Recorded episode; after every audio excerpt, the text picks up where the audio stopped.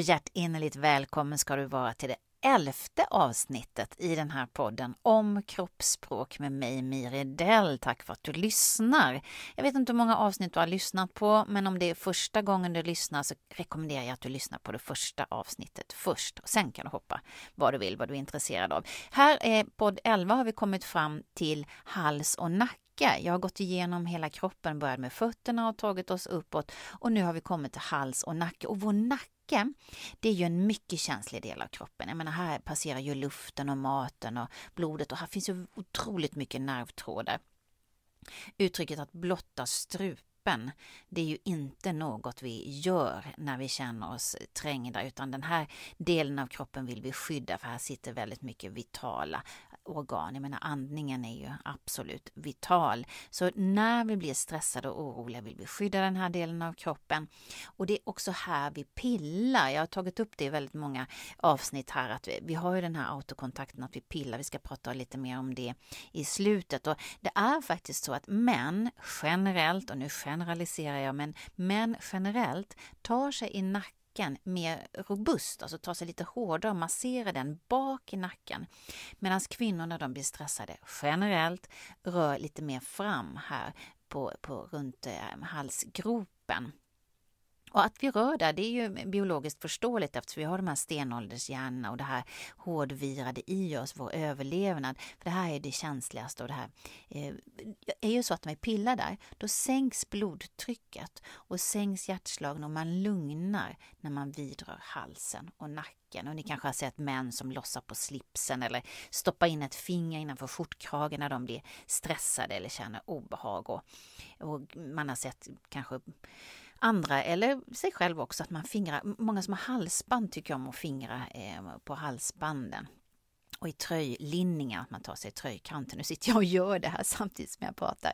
Och när man tittar på kärlekspar när de filmas när de har sån här dejt och då är det ju så att det ligger kanske lite osäkerhet i luften och mm, man vet inte riktigt hur man ska bete sig och vågar man blotta sig för varandra och sådär. Så att eh, då Eh, lägger man oftast huvudet på sned för att visa sig lite sårbar. Då kommer vi upp på nästa del med huvudet då. Det här pratar jag om väldigt mycket när jag föreläser och undervisar. Att det här med huvudet på sned, det är ju en superbra gest just när förälskade då tittar varandra djupt i ögonen och man vill visa sig sårbar, man vill visa sig att liksom, jag är inte farlig, då blottar man strupen inför varandra.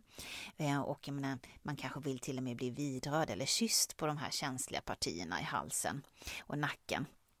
Eh, och eh, en mm, psykolog, man brukar kalla det psykologgesten, om, om du viker ner huvudet på sned och känns på den så, och så nickar du lite grann. Mm, ja, mm, ja.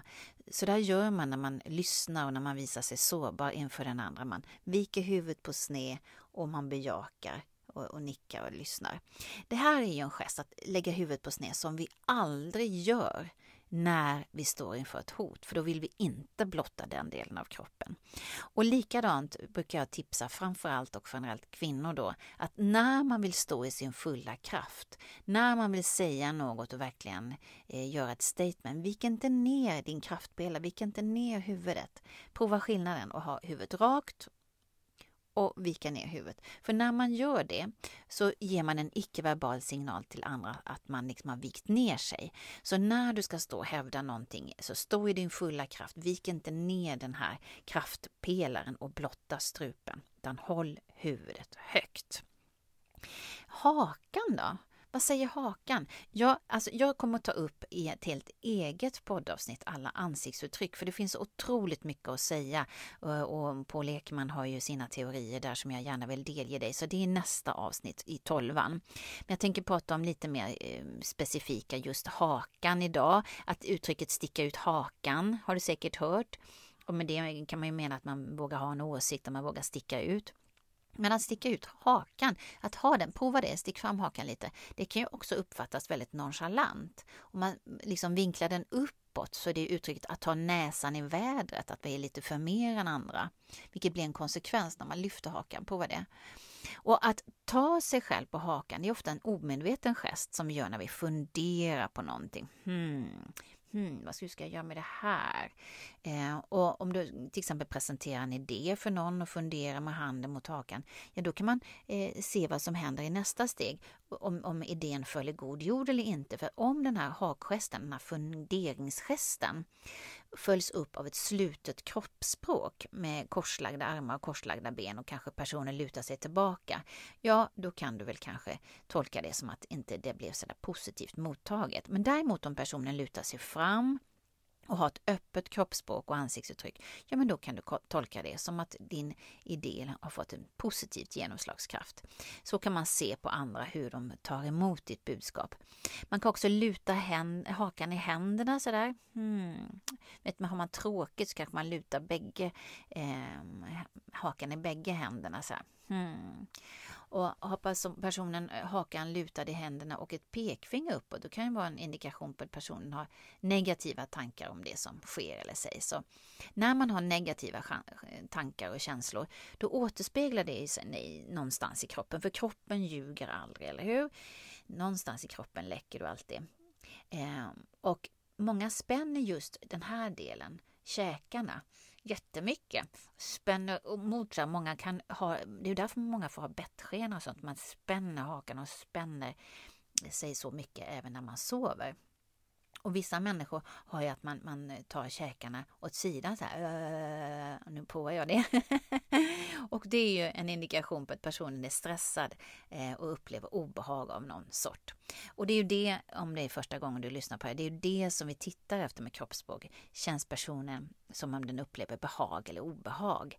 Och för när man blir stressad av någon anledning eller nervös eller uttråkad, då, då läcker kroppen någonstans, då får den uttryck. Och just det här med hakan är det många som har. Och det finns en liten muskel här på sidan som många spänner hela tiden. Mm, mm, mm, mm, jag ska visa det i, jag har små filmer som jag visar på LinkedIn och som lägger ut. Så vi kan bli kompisar där så får du se dem. Jag lägger ut dem på Facebook också. Eh, och Instagram. När man håller på sådär, eh, då kallas pacifiers eller adapters eller tröstare. Eh, då försöker man liksom stimulera, stimulera sina egna nerver i till exempel då käken om man håller på så här för att lugna sig själv. När det gäller munnen då, och läpparna och tungan, vad säger vi då? När du sitter och samtalar med någon och personen börjar spänna sina läppar då är det en indikation på stress eller obehag hos den personen. Och det här är en universell gest som är likadan i hela världen. För när man pressar samman läpparna, då är det den här limbiska, den här ärliga delen av hjärnan som säger åt oss att knipa igen munnen. Eh, så om du diskuterar med någon och du ser att läpparna börjar spännas, mm, så var vaksam, men sätt gesten i sitt sammanhang, i sitt kontext. Vi letar ju efter flera gester, ett kluster av gester. Vi sätter det i sitt sammanhang, i sitt kontext och ser om personen, det den säger, lirar med det den gör för gester, om personen är kongruent. Så att då kan du tänka, var det något du sa nu som gjorde att den här stressreaktionen med spända läppar orsakades eller var det någonting som hände i rummet? Var det något som någon annan sa? För om läpparna spänns så pass att de formas ett upp och nervänt U, då är det ju en indikation på väldigt hög känsla av stress. Ehm, och kan ni prova det? Verkligen spänner så det verkligen blir ett upp och nervänt U. Jag kommer visa roliga bilder på det och lägga ut. Jag har faktiskt väldigt exemplifierande eh, bilder och filmer på det. Och eh, Lukas Brun då, den här undercover-agenten som jag har skrivit boken tillsammans med och min mentor Jona Navarro, den före detta FBI-agenten. De har sagt till mig att de ser väldigt mycket spända läppar just, att det är en väldigt tydlig indikation när de sitter och pratar med kriminella eller lögnaktiga personer. Men som sagt, det bör ses eh, i sitt sammanhang och du ska sätta det eh, i sitt kontext. Och vad säger personen och varför spänner den läpparna? Om den biter sig i läpparna då? Vissa gör det och det är otroligt eh, tydlig indikation på att någon är osäker. Och läpparna är väldigt, nu sitter jag och gör det här när jag pratar om det, men läpparna är ju väldigt fyllda av nervtrådar. Genom att bita sig i just läpparna så lugnar vi oss själva vid stress. Och en del biter sig i läppen som ett sätt att försöka se lite sexy ut. Man biter sig lite så här. Man sitter och eh, är med någon som man vill se sexig ut inför och pluta med läpparna är ju likadant. Det har man ju gjort och målat läpparna än sedan urminnes tider. eh, och försökt pluta med munnen för att se lite eh, snajsig ut och det har väl liksom nått sin peak nu i dessa dagar med alla fillers som folk fyller ut sina ankläppar med. Det kan man ju tycka lite olika om hur det ser ut. Slicka sig om läpparna då. Ja, drottningen av att slicka sig runt läpparna var ju den underbara artisten Barbro Lill-Babs Svensson. Och hon imiterades ju flitigt och väldigt duktigt utav många komiker, bland annat Rakel Molin gör det väldigt roligt. Jag kan se om jag kan lägga upp ett klipp med det. Eh, och det här är ju också ett sätt att lugna och trösta sig själv. en stressindikator. Vi blir oftast torra i munnen när vi blir stressade och då blir vi även torra om våra läppar.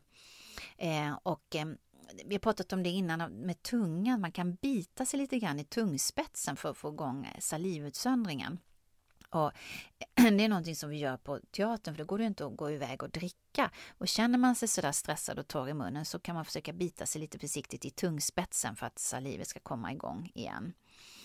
Och att bita sig väldigt tydligt i tungan, prova det. Mm, det gör man oftast när man känner att man har kommit på någonting som man har glömt eller man har gjort bort sig. Bara, mm, attans. Och tungan är väldigt representerad i hjärnans motoriska och sensoriska område och sambandet mellan tungan och just händerna, fingrarna, det finns som jag talade om i det förra poddavsnittet i Brockas område i hjärnans frontallob. Och när jag spelar in det här så är det mitt under coronatiden och jag tänker prata om det här att vi tar oss väldigt mycket i ansiktet. Och det ska vi verkligen undvika nu i dessa tider av smitta. Eh, och 40 av det vi pillar i ansiktet så når vi våra slemhinnor tyvärr. Så det är någonting som vi verkligen behöver eh, sluta med. Och varför pillar vi oss i just ansiktet? Dels kan det ju vara eh, som innan, som jag sa, att man funderar på något och då för man händerna eh, mot hakan och liksom gör en sån här funderingsgest eller tankegest. Eller är vi nervösa och biter på naglarna eller håller på och pillar i ansiktet av eh, att vi är nervösa eller osäkra. Men det kan också vara en påminnelse faktiskt att vi finns till. Vi tar oss i ansiktet för att känna att vi finns till, säger de som forskar på det här med hjärnan. Och det är lite olika hur många gånger, och det spelar ju ingen roll riktigt, men mellan 18 till 23 gånger i timmen så pillar vi oss i ansiktet. Det var i Japan man gjorde en studie så sent som 2019, man fejkade en tågkupé och filmade folk och såg hur, hur mycket de tog sig i ansiktet. Och det, dels kan det ju vara att det kliar, dels kan det vara att man försöker peta bort någon smuts. Och eh, de såg då att män tar sig oftare i ansiktet än kvinnor. Man trodde inte det hade någonting biologiskt att göra, utan man kom fram till att det kanske hade med att tjejer sminkade sig och inte ville förstöra makeupen och vi rör väldigt ofta vid munnen. Och speciellt om man ljuger så vill man väldigt gärna ta sig runt munnen. Så att händerna pillar där väldigt mycket och omedvetet. Och det är ju den här autokontakten som jag har pratat mycket om, att vi gör det omedvetet för att lugna oss själva. Och vad ska man då göra för att undvika det här?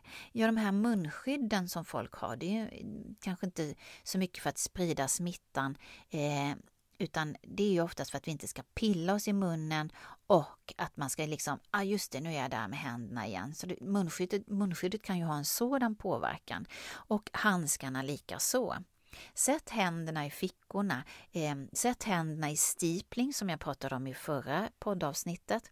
Att man för fingertopparna ihop mot varandra. Då vet man vad man har. Fingrarna man har, de fingertopparna mot varandra. Eh, och be din omgivning faktiskt att säga till. För Det är så pass viktigt nu att vi inte pillar oss i ansiktet och håller på och sprider smittan. Så att man får hjälpas åt där. Och om man behöver lugna sig, hitta andra, att man kanske lugnar sig genom att klappa sig själv på benet eller någonting. Försök undvika att ha händerna och fingrarna i ansiktet. Eh, nästa poddavsnitt eh, nästa vecka, då kommer jag att ta upp mer med ansiktsuttrycken. För det är så viktigt och en stor del utav kroppsspråk och icke-verbal kommunikation. Så det blir ett helt avsnitt om det. Tusen tack för att du har lyssnat på det här avsnittet. Jag har ju lovat att de ska vara korta och reklamfria så att vi avslutar nu. Dela gärna, eh, gå gärna in på LinkedIn och Facebook och Instagram och likea och peppa så att man håller geisten uppe i dessa tider. Tack för att du lyssnade. Stor kram på dig. Hej då!